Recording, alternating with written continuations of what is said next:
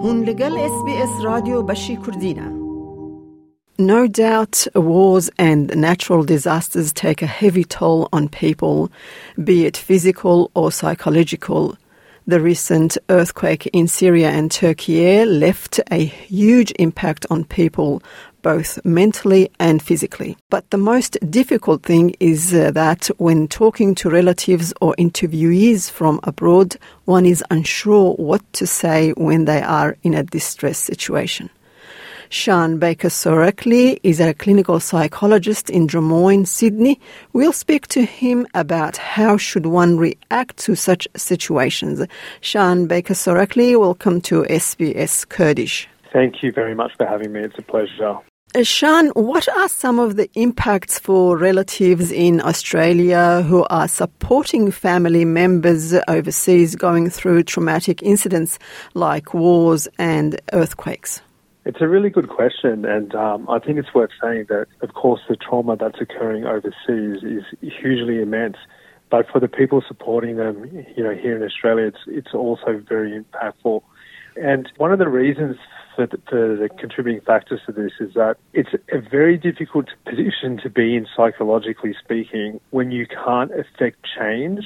So the geographical distance makes it very hard for people to be able to feel effective in supporting relatives whether that's psychological, um, emotional support, or even practical support. So you're kind of stuck in a situation where you feel you have limited power over an outcome. And that can lead quite generally to people feeling very stressed, can lead to them feeling helpless. You know, you can develop symptoms of anxiety and insomnia. And even in some cases, you know, it could lead to what we call secondary trauma or vicarious trauma. That's not even mentioning, you know, of course, the grief that can come along with loss of life, etc. So, what is the difference between secondary and vicarious trauma? That's a really good question, um, and it's probably it is important to understand the differences. So, secondary trauma occurs when you're exposed to a trauma indirectly. So, you're not the victim of the trauma, but you may hear about it in graphic detail being described by your relative and you may also see graphic images on TV. Now, particularly when you have a personal attachment to relatives and you see such powerful images on television, it is quite you know more significant in the in the traumatic impact it can have on you.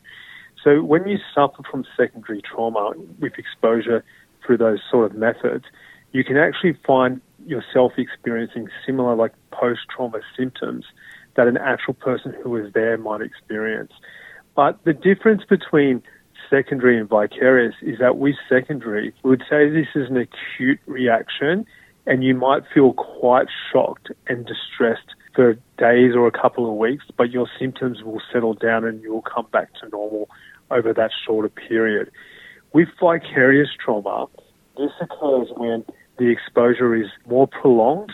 So imagine you actually are talking to relatives in distress on a regular basis Perhaps you're consuming more um, content on television or online, or even more likely, maybe you're a volunteer and you're you're out in the zone, whether it be a, you know a war zone or working with refugees, or in this case, in, in the more recent events, dealing with recovery post kind of earthquake. So you're getting more repeated exposure, and the danger here is that you know not only do you get those other symptoms we kind of spoke about, but your worldview actually changes. So who you are as a person and your worldview becomes different. So, for example, you know, you might become actually more pessimistic, um, or you might overestimate the danger in the world, and this can have a significant impact on your life. You're more likely to succumb to other mental health problems like depression. With vicarious trauma, what are the signs?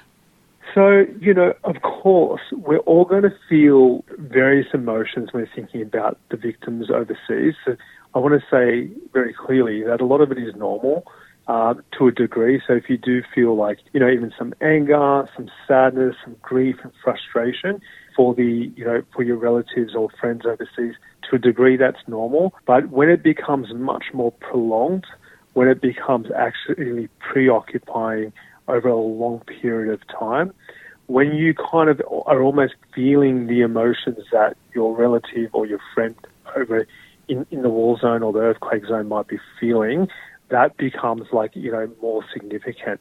Other things that are important to think about as well is if you start to have feelings of guilt or shame about being alive or being okay, you know, the guilt and shame are very powerful emotions, but they can fall into two categories. One is justified, guilt or shame, and the other is unjustified. So if you've done something wrong to somebody, guilt and shame is a normal reaction, but sometimes we can feel guilt and shame when we haven't done anything wrong, and that's one of the another symptoms uh, of vicarious trauma.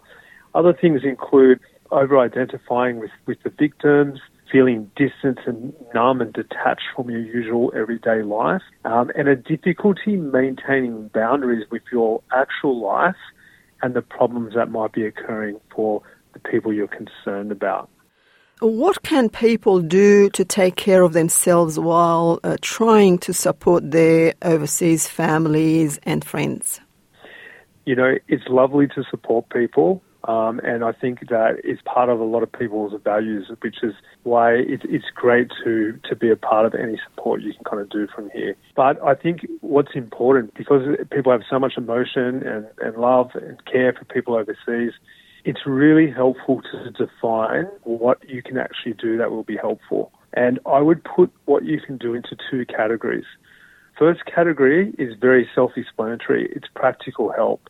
And it, for most cases, when you're in another country, it really is probably providing money or in some cases, some sort of donation drive for like goods, clothing, water, food, etc. to be shipped over. So getting involved in those practical things can be really helpful. And then the other, other category is emotional support. So direct emotional support to your family members or your friends.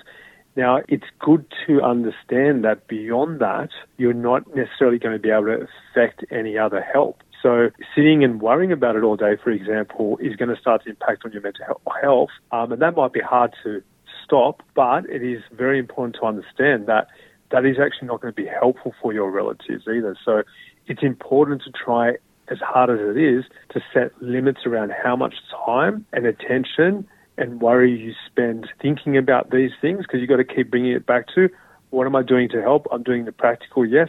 I'm doing the emotional support to my relatives when I can, yes okay, I have to take care of me because I can't be helpful to anyone if I'm completely burnt out or suffering from anxiety or stress myself.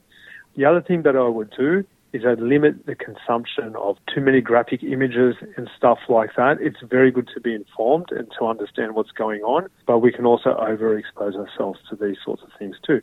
So if you're starting to feel distressed, I would recommend having breaks from that so that you can actually concentrate on back on the self care and living in kind of your life here as well as helping kind of when you can. When talking sometimes to members of the community, they say they call their relatives overseas, but they're not sure what to say to them when they are so distressed. I mean, you can't say, "Oh, it'll be okay. It'll be this and that." So, in that in that situation, what would you say?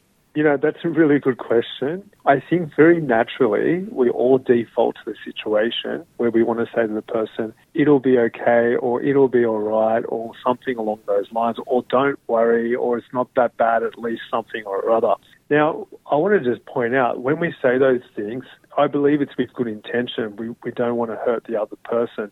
Um, we want them to feel better and we can see they're hurting. But the reality is, as you said, sometimes it's not going to be okay, or it's not going to be okay for a long time, or perhaps family members are lost, and that's significant grief to deal with. So, what I recommend is trying to understand within yourself that you might be anxious about somebody's suffering, but that's okay to just sit with their suffering. So, you're better off um, listening to your loved one's plight. Try not to offer too many solutions unless you actually have some really good practical ones, but simply just try and validate their feelings and their experience. If they ask for solutions or ideas, of course, and that's a good idea to give them, but otherwise, just actually hearing their story and being there for them. So, like checking in on them in a regular basis is really kind of helpful. I mean, that's what we know makes us feel better.